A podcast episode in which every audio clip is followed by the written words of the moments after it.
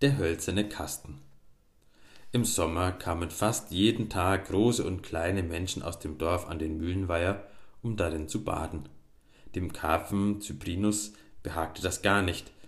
Er fand, sie sollten lieber daheim bleiben. Aber dem kleinen Wassermann machte es Spaß, sich im Ufergebüsch zu verbergen und ihnen beim Baden zuzuschauen. Schwimmen konnten sie alle miteinander nicht besonders gut, diese Menschen. Die einen schwammen so ähnlich wie Frösche, die anderen gar nur im Hundetrab, und alle hielten beim Schwimmen den Kopf über Wasser. Es war ein lustiges Bild, wie die vielen roten Menschen, Gesichter prustend und schnaufend, auf dem Mühlenweiher herumschwammen. Aber noch lustiger sahen die schwimmenden Menschen von unten aus. Wenn der kleine Wassermann untertauchte und sich auf den Rücken drehte, dann sah er sie oben als zappelnde Schatten dahingleiten. Deutlich hoben sich ihre Körper gegen die sonnenbeschienene obere Fläche des Feuers ab. Der kleine Wassermann fand es sehr drollig, wie sie die Glieder verrenkten und dabei doch nur so langsam vom Fleck kamen. Als er wieder einmal auf dem Rücken im Schlamm lag und zu den Menschen hinaufschaute, schob sich dort oben auf einmal ein plumpes, schwarzes Ding heran, das er noch niemals gesehen hatte. Das Ding schwamm über ihn hinweg wie ein riesiger Fisch, aber es hatte keine Flossen und keinen Schwanz. Er konnte sich nicht erklären, wie das Ding es fertigbrachte, sich nicht zu rühren und trotzdem vorwärts zu kommen. Er dachte, das muss ich mir unbedingt einmal ansehen. Der kleine Wassermann schwamm ans Ufer und tauchte auf. Da sah er, dass dieses seltsame Ding ein langer hölzerner Kasten war, in dem ein Menschenmann saß, und der Menschenmann war der Müller. Er hielt in jeder Hand eine Stange, damit ruderte er den Holzkasten über den Teich. Da entsann sich der kleine Wassermann, dass er den Kasten schon mal gesehen hatte. Richtig, der lag ja sonst immer im Schilf, und er hatte ihn bis auf den heutigen Tag für eine Art Waschtrog gehalten. Jetzt aber wusste er, dass man damit auf dem Wasser herumfahren konnte. Eigentlich nicht verkehrt, überlegte der kleine Wassermann und gab acht, wie der Müller die beiden Stangen bewegte.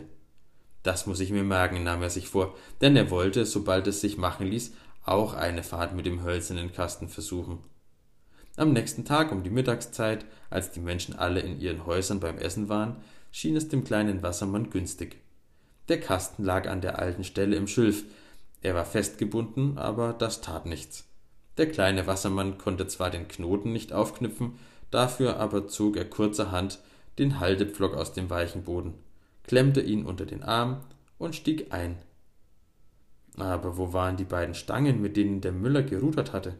Er konnte sie nirgends finden. Der Müller hatte sie anscheinend mitgenommen. Das war doch zu dumm. Wie sollte er über den Teich fahren, wenn er die Stangen nicht hatte? Der kleine Wassermann dachte eine Weile nach, dann nahm er den Haltepflock und versuchte mit ihm zu rudern. Das ging aber nicht. Er setzte sich nun auf den hinteren Rand des Kastens und tauchte den Pflock in das seichte Wasser und stieß sich mit seiner Hilfe ein paar Mal ab. Schwerfällig schob sich der hölzerne Kasten durch das Schilf. Die Halme bogen sich rauschend und knisternd zur Seite. Nach wenigen Stößen erreichte der Kasten das offene Wasser. Aber jetzt wurde der Mühlenweiher tiefer, und bald fand der kleine Wassermann keinen Grund mehr. Der Pflock war zu kurz. Eine schöne Geschichte, dachte der kleine Wassermann ärgerlich. Was nützt mir der ganze Kasten, wenn ich nicht weiterkomme?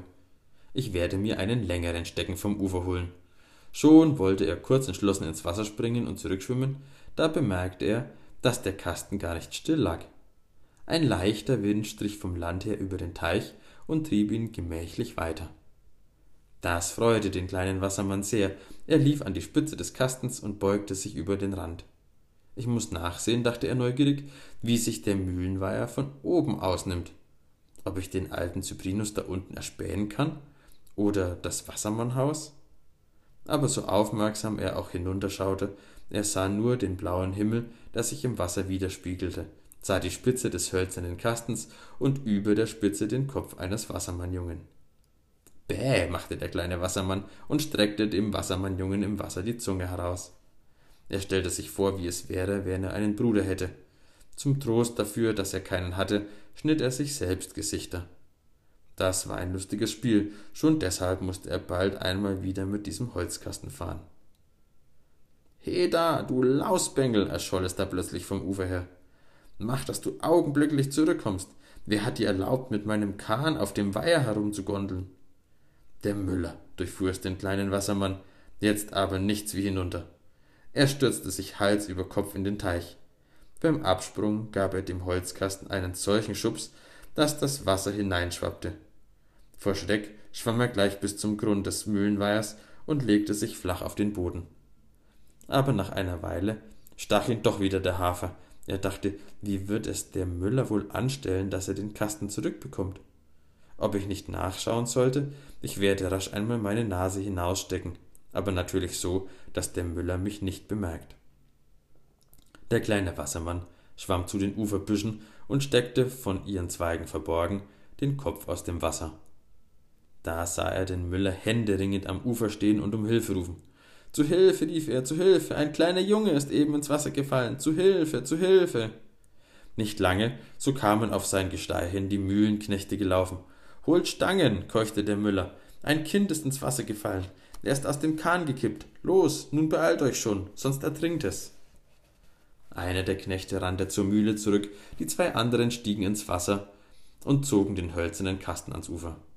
Als der eine die Stangen gebracht hatte, setzten sich alle vier in den Kasten und ruderten auf den Weiher hinaus. Die Knechte suchten mit ihren Stangen den Grund ab, der Müller wischte sich mit dem Taschentuch den Schweiß von der Stirn. Oh Gott, oh Gott, stöhnte er, vor meinen Augen ist er hineingefallen, der Junge. Das Unglück, das Unglück. Wer war es denn? fragten die Knechte. Das weiß ich nicht, sagte der Müller. Es ging ja so furchtbar schnell mit dem armen Jungen. Er trug eine rote Mütze und gelbe Stiefel, wenn mich nicht alles getäuscht hat. Aber was reden wir? Sucht lieber weiter. Ja, sucht mich nur, dachte der kleine Wassermann schadenfroh. Sucht nur, das habt ihr davon, dass der Müller es anderen Leuten nicht gönnt, mit dem hölzernen Kasten zu fahren.